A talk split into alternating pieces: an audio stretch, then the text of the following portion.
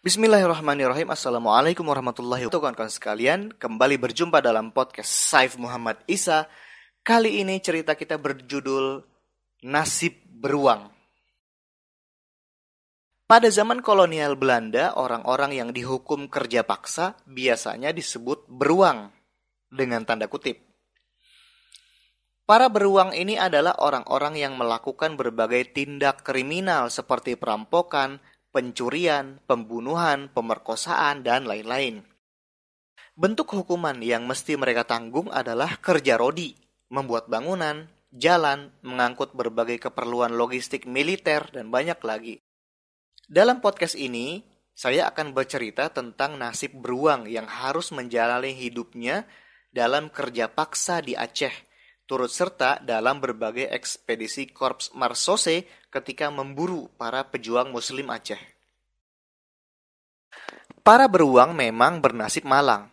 Mereka harus menguntit rombongan Marsose yang melintasi belantara Aceh dalam misi mengejar para pejuang Muslim Aceh.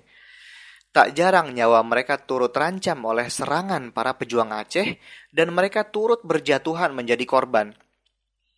Di tengah-tengah kemiliteran Belanda terdapat 18 batalion infanteri Kelompok beruang ini sering kali disebut Batalion 19 atau Batalion Merah karena para beruang diberi seragam berwarna merah. Tidak ada catatan statistik yang pasti tentang berapa banyak jumlah beruang yang telah tewas karena serangan pejuang Aceh. Para beruang harus mengangkut berbagai barang yang amat berat melintasi bukit dan gunung, juga hutan belantara dan lereng-lereng. Pundak mereka wajib menjunjung beban puluhan kilogram, Terbayang sekali betapa berat penderitaan mereka.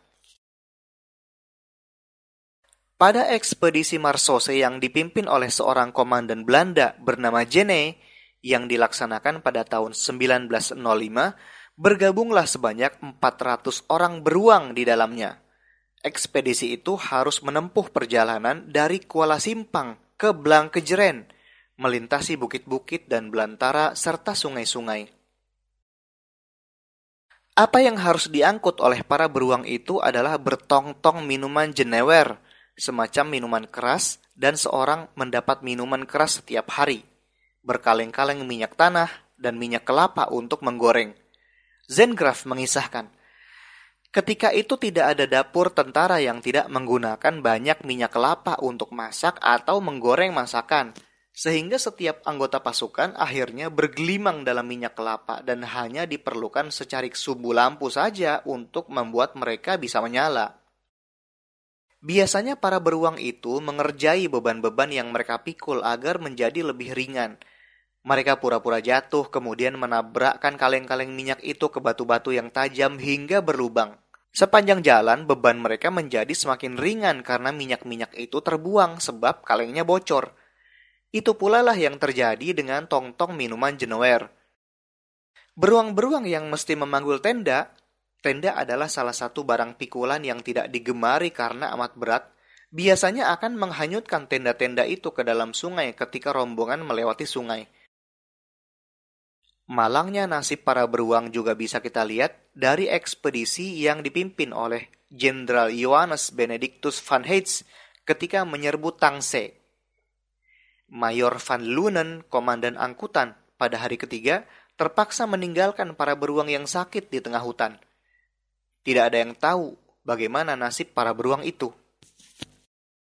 Masih di dalam pasukan Van Heitz yang akan menaklukkan Tangse, koloni Marsose itu berjalan sampai larut malam di tengah hutan. Karena itulah bivak atau perkemahan prajurit tidak bisa dibuat karena hari sudah malam sekali. Karena itulah setiap anggota merebahkan badan tepat di atas tempat mereka berdiri.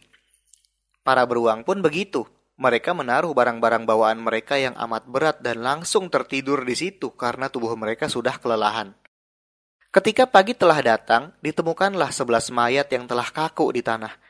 Ternyata malamnya malaikat maut berkeliaran merenggut nyawa mereka. Mayat-mayat para prajurit ditutupi dengan dedaunan. Sementara mayat para beruang digeletakkan begitu saja di atas tanah. Kemudian mereka hanya akan menjadi umpan babi hutan. Kondisi para beruang itu memang amat memprihatinkan, terutama kondisi makanan mereka. Para beruang itu kerap kali diberikan makanan sisa yang sangat tidak memadai dan bahkan mereka sering kali melewati satu waktu makan. Jika normalnya makan itu tiga kali sehari, maka para beruang hanya makan dua atau satu kali sehari. Karena kondisi inilah banyak sekali beruang yang benar-benar keletihan memikul beban hingga mereka tewas begitu saja. Para komandan brigade lebih menyukai beruang yang latar belakangnya seorang pembunuh atau penikam daripada yang latar belakangnya perampok, pencuri, atau penipu.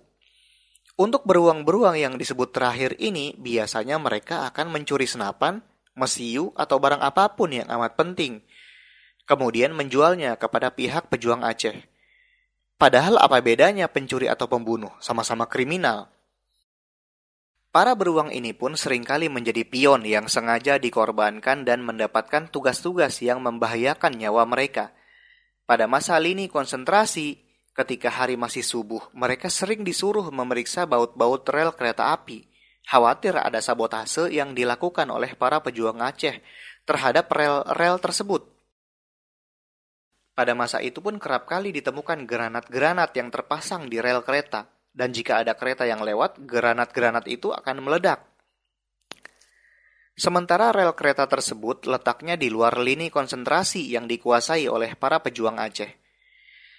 Salah satu tugas berbahaya yang dibebankan kepada para beruang ini adalah menjadi pengantar pesan. Pada tahun 1899, sebuah pos Belanda di Meredu sudah seluruhnya dikepung para pejuang Aceh. Di dalam pos itu ada 150 prajurit yang sayangnya mengalami demoralisasi. Mereka menjadi apatis dan memble. Padahal mereka mesti menghadapi serangan gencar dari para pejuang Aceh. Tersiarlah kabar bahwa ada 8 brigade Marsose yang sedang bergerak dari Pidi ke Pantai Raja. Karena itu dikirimlah seorang beruang untuk mengantarkan pesan SOS kepada brigade Marsose itu. Di Pantai Raja, para anggota Marsose membuat bivak dan kerap kali mandi-mandi di sungai dekat kedai. Ketika mereka sedang mandi-mandi itulah menyembul sebuah kepala dari dalam sungai, persis seperti kepala buaya yang menyembul dari dalam sungai ketika mengawasi mangsanya. Pesan pun telah disampaikan. Terbayang betapa berbahayanya misi seorang beruang itu.